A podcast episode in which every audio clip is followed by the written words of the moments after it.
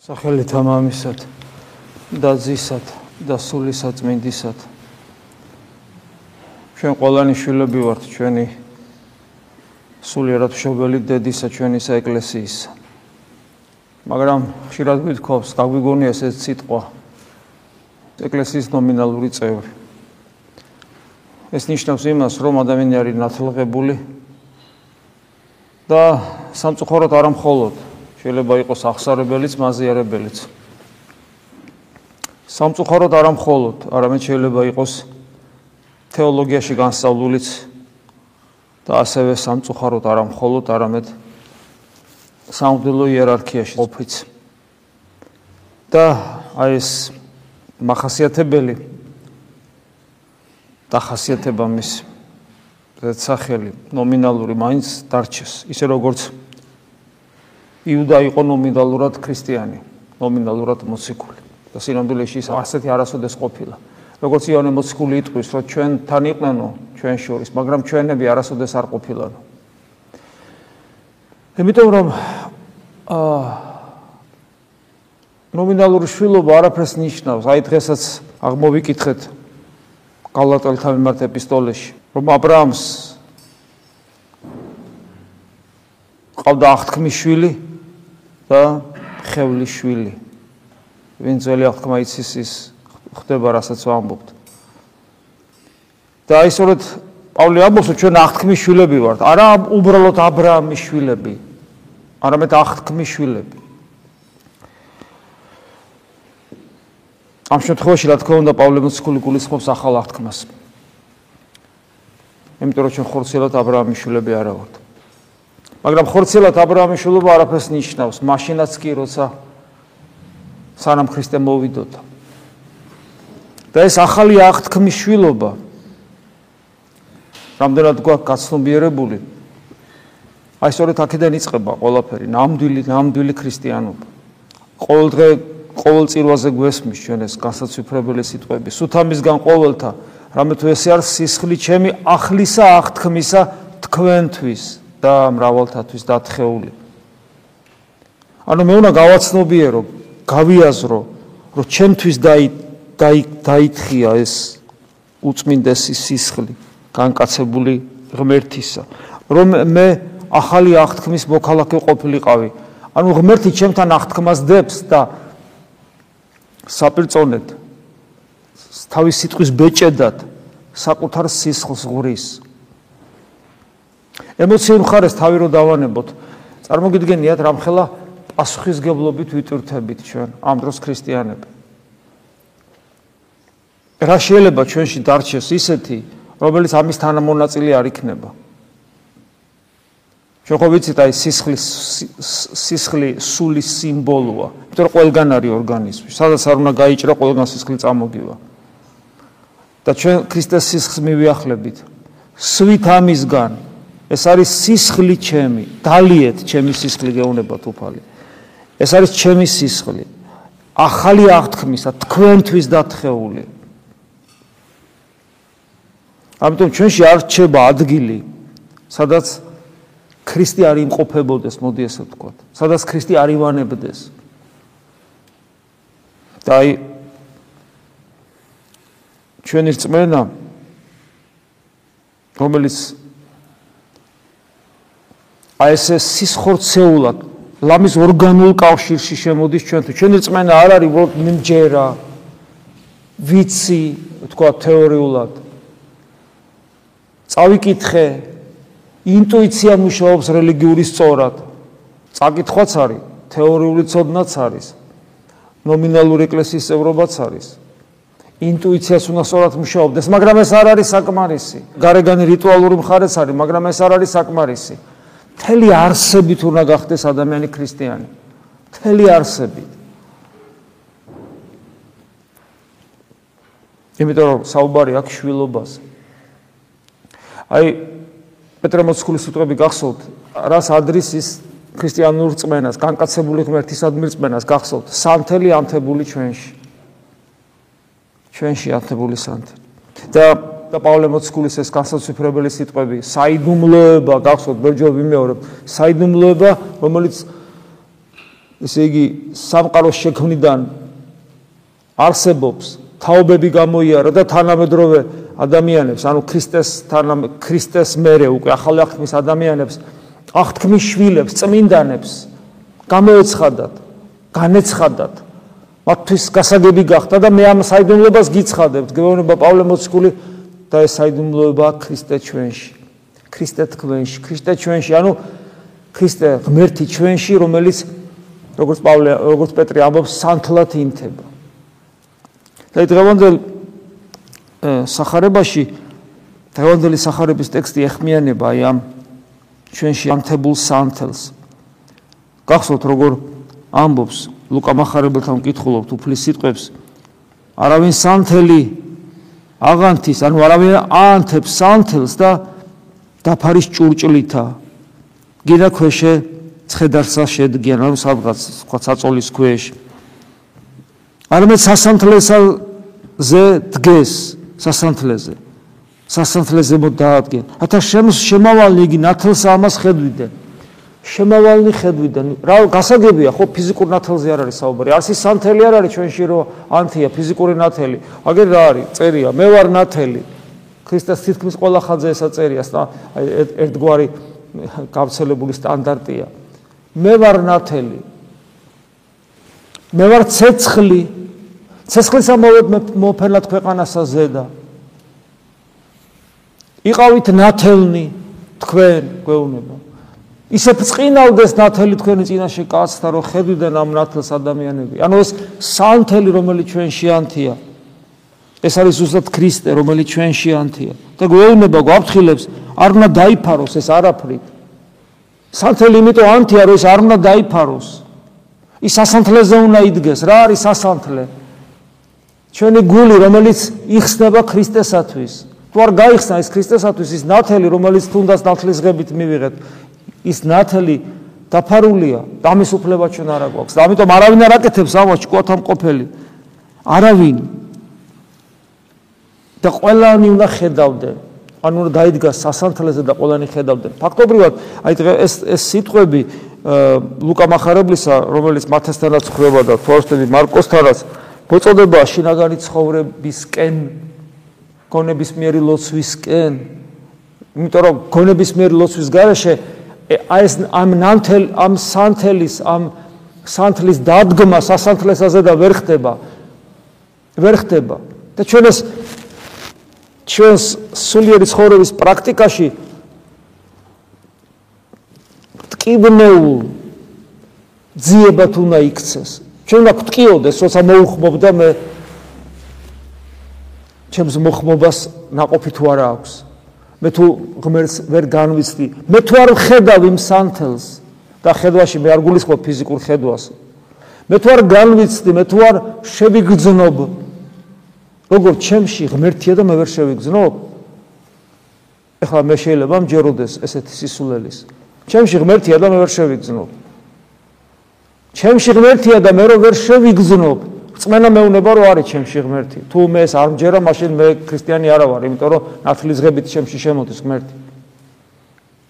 და მე თუ ჩემ წამს რო შემოდის და მე ვერ შევიგზნობ, იმიტომ ვერ შევიგზნობ, რომ მე გული დახურული მაქვს მისთვის, რომ როგორ შეიძლება ღმერთი ჩემში იყოს და მე ვერ შევიგზნობ და ეს იყოს ნორმალური მდგომარეობა. ანუ, როდესაც ქრისტიანი თავის თავში ღმერთს ვერ შეიგზნობს, ეს არანორმალური მდგომარეობაა ჩვენთვის. გავქნათ ყველანი ესეთები ვართ. კი, ესეთები ვართ. რა ვქნათ ყველანი ესეთები ვართ, მაგრამ ეს შეიძლება ჯობდეს კიდევაც, ვიდრე ის, რომ ადამიანი რაღაცა შეიგზნობს და ღმერთი არ არის. კი, იმიტომ რომ თუ რაღაცა შეიგზნობ და ღმერთი არ არის, ხიბლში ხარ, კი? და თუ ხიბლში ხარ, მაშინ ეშმაკის გზასაც გახარ და ناقოფები ცუდი გამოგაკ. საბოლოო ჯამში ვიცით ეს როგორ დამთავრდება. კი, ეს უარესი, ამიტომ და ამიტომ რა, ამიტომ ჯობია რომ არ შეიგზნობდე არაფერს და დაცული იქნები ხიბლისგან. კი. მაგრამ ეს განახიბლი არ არის, რომ ფიქრობ, რომ ღმერთს რომელსაც შენ ვერ შეიგზნობ, შენ ღმერთთან ხარ და ღმერთს იცნობ და გვავიწყდება საშნელი სიტყვები ქრისტესი რელიგიური ადამიანების მიმართ თქმული არ გიცნობთ მოქმედო უსჯელოებისან. ამიტომ ის რომ ხიბლში არ ვიმყოფებოდე და ხიბლისგან თავი დავიცვა გამოსავალი გამოსავალი იმაში არ არის რომ ღმერთს არ განვიცდიდე. ერთადერთი გამოსავალი არსებობს ხიბლიდან თავდაცვისაც, უღმერთობიდან თავდაცვისაც და ჯოჯოხეთიდან თავის დაცვისათვისაც. ერთადერთი გამოსავალი ეს არის იესო ქრისტეს ცნობელობა, მისი განცდა და მასთან ერთობა. ერთადერთი გამოსავალი, ქრისტეა გამოსავალი, ანუ უქრისტეობა ხიბლიდან გამოსავალი არ არის. უქრისტეობა არა, ქრისტეა გამოსავალი. ამიტომაც პრინციპულად გეუბნება უფალი. რომ სასანთლეს არავინ არ მალავს, სასანთლეს არავინ არ მალავს. ის უნდა სასანთლეზე დაადგეს და ანათებდეს შემავალნი ხედავდა, ანუ ხები ხედავდნენ. აი ეს ისე წმინავდეს ნათელი თქვენი წინაშე კაცთა, რომ იხილავენ ამ ნათლს ადამიანები და დაინახავენ ღმერთის დიდებას. ვალდებულებაა ეს ჩვენი. რომელსა აქონდეს მიეცეს მას და რომელს არ აქუნდეს და რომელსა იგი გონიეს ვით არ მე თაქუნდეს წაერთვას მას. აი ეს სწორედ იმაზეა საუბარი რომ ჩვენ შეიძლება ჩვენ გონი აი რომელსაც გონია გონია გონია რომ ქრისტიანი ვარ. და რაზე მგონია ისიც წამერთმევა. იმიტომ რომ არ შეიძლება მე მეგონოს. მე უნდა ვიცოდე. როგორც პავლე იტყვის მე ვიცი ვინც ვირწმუნე. მე მესმის ახლა რაღაც ძალიან ამაღლებულ იდეალზე საუბრობ, მაგრამ უბრალოდ ჩვენ უნდა ვიცოდეთ რომ არ არსებობს ქრისტიანობა ქრისტეს გარეშე. ვერ გამოიგონებ ქრისტიანობას ქრისტეს გარეშე. ხოლო ქრისტე სამყარო შემოქმედია და ის თუ ჩვენშია შეუძლებელია ჩვენ მას არ ვგზნობდეთ. და როცა ჩვენ მას არ ვგზნობთ, ჯერ ჩვენ ქრისტიანები არა ვართ ამ სიტყვის დიდი გაგები და ამაზე სულ მუდამ ხას უსვავს მონახალი ღვთისმოწყალე. წარე სიტყვებია. მძიმე სიტყვებია ჩვენთვის. აუტანელი ზოგ შემთხვევაში. აბა რა ვქნათ, რა გვეშოლება? რა გუშოლება მე არ ვიცი. ნუ ღმერთი მოწყალია და ეს გუშოლება, მაგრამ საკეთებელი რა არის ნამდვილად ვიცით ჩვენ. უნდა ვეძებოთ. არ უნდა დავთმოთ. და მუდამ, მუდამ ღმერთის ზიებაში უნდა ვიყოთ შიგნით, მუდამ. ეს ტკივილი ვიმეორებ, ეს ტკივილიანი პროცესია. მაგრამ ბედნიერების მომტანია. იმიტომ რომ ამას დიდი საქმე ადამიანს არ აქვს. თორე მოუკვდებით, მოუკვდებით, კი არ გარდავიცვლებით. იცით როგორ საოცრად ყვდებიან? გარდაიცვლებიან ორწმუნენი. ხო ამასინათაც მეუნებოდა ერთი ადამიანი მონასტერში, მონასტრის ამბებს ყვებოდა, კვიპროსის მონასტრის ამბებს. აგონია საერთოდ არიციან რა არის? სასიკვდილო აგონია თუ გინახავთ? მე მინახავს. ძალიან ძიმი ადამიანი იტანჯება საშინლად. პრაქტიკულად სასიკვდილო აგონია არა აქვს. აი ადამიანი როგორ ლოცვა რა არის? ლოცვა ხო ტექსტის კითხვა არ არის. ეს ეს მაინც ხო უკვე ვიცით თეორიულად მაინც. ლოცვა არის აი ეს შინაგანი გონების მიერი მდგომარეობა, როცა ცდილობ რომ შენი გონებით გულში ქრისტესთან ერთად იყო და ყველაფერს აკეთებ ამისათვის ფიზიოლოგიასაც კი აწებებ ამას სუნთქავ იესო ქრისტეს სახელით როგორც წმინდა ნიკოლოზ კავასილი ამბობს ჩვენ ჭამთ სვავდავ სუნთქავთ იესო ქრისტეს აი საოცარ ამეს ამბობს წმინდა მამა ლოცვა არის შინაგანი გარემდებული მდგომარეობა, ხო, ის სიქაზმე რასაც ქვია, შინაგანი მყუდროება, ამისათვის გარემოს იქნიკ, სიბნელია იქ, ტაიმერი აყენია, რომ საათზე არის ფიქრო, ესე იგი მაქსიმალური სიჩუმეა, თავი მოხრილი გაქვე ყურადღება გულში კონდეს, გარემდებული, გარემდებული, რომ არაფერმა ხელი არ შეგიშალოს. მაგრამ საოცრება ის არის, რომ ევქარისტიული მსახურება, რომელიც ძალიან დინამიურია, ძალიან აქტიურია, მოძრაობები აქვს, ხო? ფიზიკურად ეხები სისხლი და ხორცი უფლისა საოცარი მისტიკას ყველაფერი. აი ევქარისტია როგორც ათონელი მამები ამბობენ უმაღლესი დონის ისიქაზმია ანუ თითქოს ისიქია ეს არის აი საკუთარ ანუ ყუდროება საკუთარ თავში ჩაღმავება ეს საოცარი სიმშვიდე სიბნელე უცებ აქვს ხო არა თითქოს ანტიპოდია ამისი მოძრაობა დინამიკა ფიზიკურად მიღება შეხება რატომ არის ეს უმაღლესი ფორმა ლოცვისა ევქარისტია? და უმაღლეს და ლოცვისა ანუ ისიქიას ისიქაზმისა გონების მიერი მდგომარეობისა. საოცრება საიდუმლოება ერთის ხრო მაგრამ პრაქტიკულად თუ ადამიანი ცალკე სწავლობს გონების მიერ ლოცვას თავისთვის მე ის იგივე რომ შემოაქ ღვთისახურების დროს ის მე აღმოაჩენს ლოგიკურ შეუსაბამობას ლოგიკურად ვერ ხსნის უფრო სწორედ აი ამ მდგომარეობას, მაგრამ აღმოაჩენს, რომ აი ეს პროცესი ევქარისტიული მსახურებისა და ზიარებასთან მიახლებისა უმაღლესი საიდუმლო გონების მერი ლოცვა არის. ფორმა არის განსხვავებული. თითქოს დინამიური, მაგრამ მაინც. აი გარდაცვალება გარდაცვალება ჩემს ღრმა წმენით არის ლოცვის ფორმა. ოღონ სხვა ტიპის ფორმა. რომელიც ხვანერია კიდე. გარდაცვალება თუ ლოცვად გადააქციე ეს წარმოგიდგენიათ რა რა აი მართლაც როგორც უფალი ამბობს ჩემი მორწმუნე არ მოკვდება ეს გარდაიცვლება სიკვდილისაგან სიცოცხლეში გარდაცვალება როგორც ქრისტესთან ერთად ჩასუნთქვა და ამოსუნთქვა და ლოცვის ფორმა მთელი შეგნებით რომ მიახლები ამ დიდებულებას ამ საიდუმლოებას გარდაცვალებისა აი ეს არის ჩვენი გასავლელი გზა ჩვენ ეს გზა უნდა გავიაროთ მაგრამ ეს გზა რომ ღირსეულად გავიარო და ჩვენთვის გარდაცვალება არ ამტკივნეულ რაღაც ფიზიოლოგიურ აქტად კი არ გადაიქცეს, არამედ გარდაცვალება ჩვენთვის რომ ლოცვით აქტად იქცეს.